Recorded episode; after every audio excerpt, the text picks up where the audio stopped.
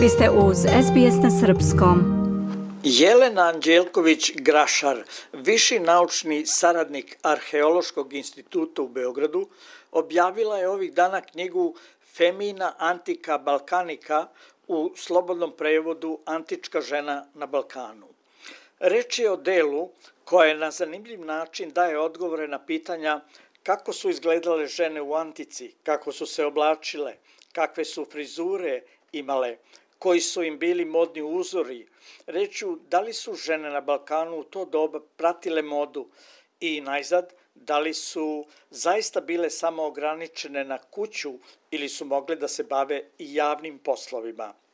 U Narodnom muzeju u Beogradu u toku je i izložba o ženi na Balkanu u antičko doba, a kroz izložbu posetioce vodi autorka knjige Jelena Anđelković-Grašar.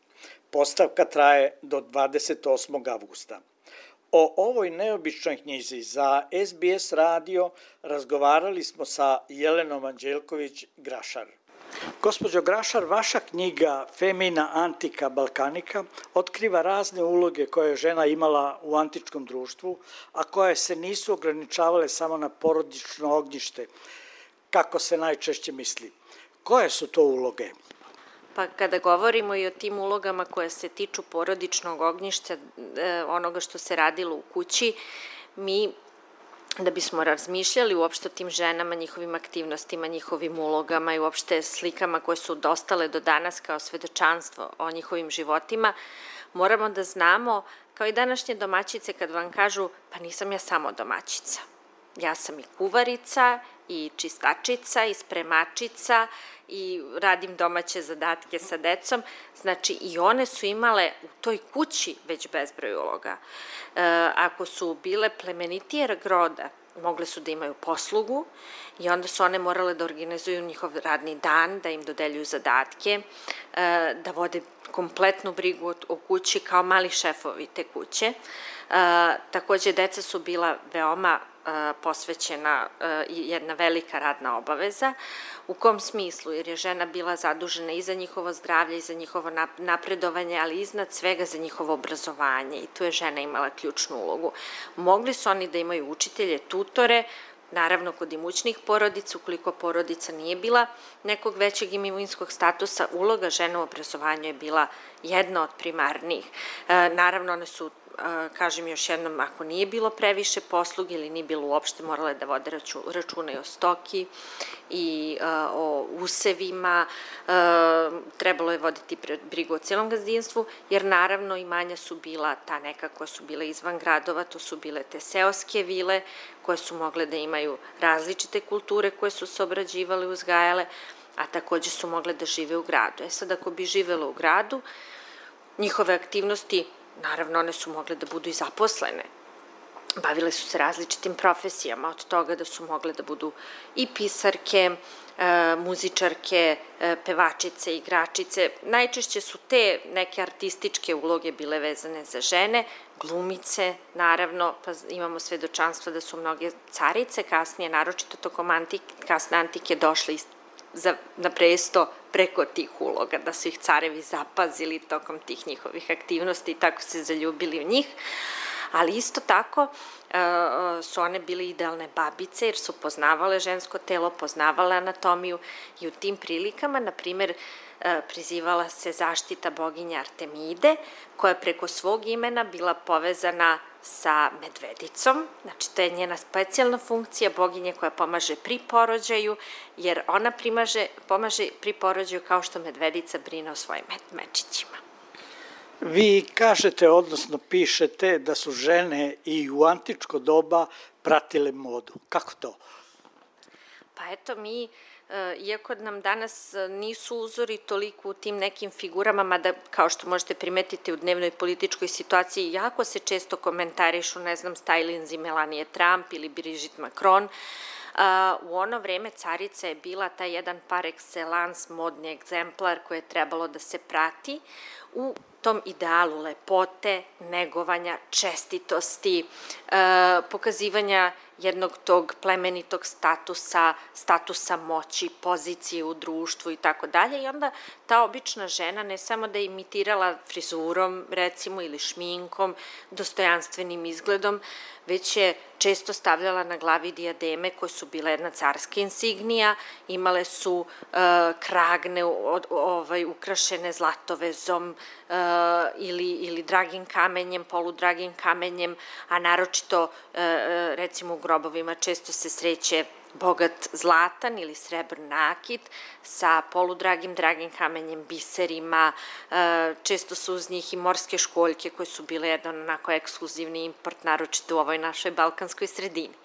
Tako da svaka žena koja je držala do sebe, primarno da bi prikazala sebe kao uglednu matronu, prvo je bila zakopčana, odnosno odevena od, glave do pete, dakle, mogle su da proviruju samo ruke kojima bi pridržavala ogrtač i često se i glava pokrivala zato što se kosa smatrala vulgarnom za pokazivanje, dakle trebalo je da bude ili pokrivena ispod nekog plašta, marame, turbana u slučaju udatih žena ili recimo vezana različitim trakama, mrežicama za kosu kod neudatih.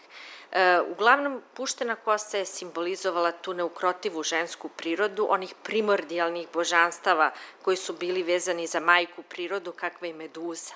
Pa onda ta puštena kosa mogla da asocira na te zmijolike uvojke meduze, a svi znamo da je meduza delovala parališući na muškarce. Koju damu ili dame su obične žene toga vremena, da tako kažemo, oponašale i u čemu? Oblačenju, frizuri, Pa dakle, u samom tom modnom smislu, to je apsolutno bila carica, rimska carica koja je trenutno na vlasti. Ta rimska carica svoju sliku distribuirala je najčešće na novcu. Zato što je novac pazite, mi kad razmišljamo o njima, mi moramo da ukinemo sva sredstva tehnološka koje imamo danas i da se vratimo ono vreme i da vidimo uh, Šta je bio najbolji medij za komunikaciju? Pa ništa bolje od, od novca, koji je bio u opticiju kroz čitavo rimsko carstvo. Na taj način se najbolje distribuirala slika rimskog cara. To je bila najbolja propaganda, kao televizija danas ili radio. Ali, uh, u svakom slučaju, uh, ako je trebalo imitirati taj uzor, uh, imalo je odakle da se gleda, da se oponaša, a drugi uzor u imitaciji bile su slike boginja. I onda imate mnoštvo statua tipa mala ili velika Herkulanka, ta velika Herkulanka oponaša boginju Demetru, a mala Herkulanka oponaša njenu ćerku Koru, Persefonu, koja je bila kasnije zatočena u podzemlju kao Hadova supruga. I njih dve kao ideal tog e, e, majčinsko-devojačkog e, uzora i veze najčešće su majke i njihove ćerke, koje su bile za udaju oponašale taj tip, e, e, odnosno boginjenog uzora, a na kraju, kada se desilo i hrišćanstvo, najplemenitiji uzor ne samo u izgledu, nego i u ponašanju, bila je carica Helena, e, Konstantinova majka, jer je ona ta koja je pomogla hrišćanima da pobede, da dobiju na, na, na legitimitetu sa jedne strane, a sa druge strane Bogorodica, koja je bila jedan pravi uzor čestitosti, nevinosti, e, e, najbolji, najbolji religijski primer kako posvetiti taj spiritualni život. U knjizi vi pišete da su se žene toga doba bavile raznim profesijama van okrilja porodice. Koje su to profesije? Pa eto, kao što sam rekla, uh, najčešće su bile vezane za umetnost, mogle su da budu i slikarke, da vode recimo umetničke radionice, mogle su da budu igračice, plesačice, jako često imamo njihove primere u fresko slikarstvu na nadgrobnim stelama, glumice, recimo znamo da je caricu Teodoru Justinijan zapazio tako u tom, tokom tog nekog njenog čina gde je igrala, takođe, e, postoje svedočanstva da su se bavili medicinom, dakle ne samo kao babice koje su pomagale pri porođaju, nego su e, mogle da budu i lekari, bile su pisari i ono što je recimo za žene posebno bilo važno, bile su sveštenice određenih kultova. E, najčešće su to bili ti kultovi koji imaju veze sa boginjom majkom, sa tim majčinstvom ili sa devičanstvom boginja Artemida ili Dijana, zatim boginja Kibela, e, a e, najpoznatije su čuvene vestalke, koje su u Rimu recimo čuvale taj večni plamen da se nikad ne ugasi, to im je bio, bilo naj, najvažnije zanimanje i recimo do cara Avgusta e, sveštenice su mogle da budu samo građanke Rima, kasnije to mogu da budu i oslobođenice, ali robinje nikada. Dakle, na taj način znamo da e, ipak taj, taj sveštenički čin mogle su da uzmu samo žene plemenitijeg roda. Koji vam je bio metodološki pristup istraživanju ove teme?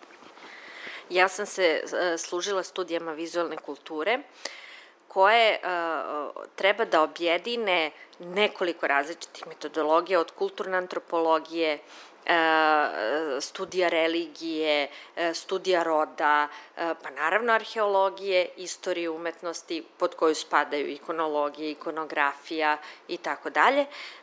I na taj način, kada e, steknete jednu širu sliku o pojavi koju proučavate, u ovom slučaju žene, e, vi, e, dakle, dobijate mogućnost da stvorite nešto što se u engleskom jeziku zove mental image, to je ta mentalna slika koja ne podrazumeva sad vi kad zamislite nekoga, ja vam sad, na primer, kažem, Novak Đoković, vi nećete zamislite baš neku njegovu specifičnu sliku iz časopisa, nego će kroz glavu da vam prođe nekoliko asocijacija na njega da je, na primer, najbolji teniser, e, da je osvojio ne znam koliko Grand Slamova, da je patriota, da je pomo, pomagao ljudima u poplavama. Znači, nekoliko različitih asocijacija vam u tom trenutku prođe kroz glavu na njega, a ne neka specifična ikonična slika uramljena.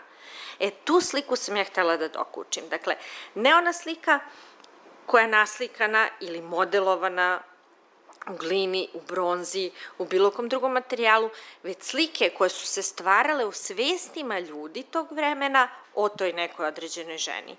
I onda smo naravno morali da koristimo različite izvore, od za, dakle, samih slika koje se nalaze na sarkofazima, stelama, e, skulpture različite biste, e, dekoracije nakita, fresko slikarstvo u grobnicama, do samih predmeta koji su polagani u grob. Da li su to pisaljke, kockice, igračke, perlice, zlata nakit, češljevi, E, ukrasne igle, fibule, e, dakle, tu je, postoji čitav set tih grobnih priloga koji daju osnova za različito tumačenje i na kraju kombinacija sa pisanim izvorima i onoga što su ti ljudi tog vremena ostavili kao pisanu reč. I tako je nastala vaša knjiga. Tako je. Hvala iz Beograda za SBS radio Hranislav Nikolić. Želite da čujete još priča poput ove? Slušajte nas na Apple Podcast, Google Podcast, Spotify ili odakle god slušate podcast.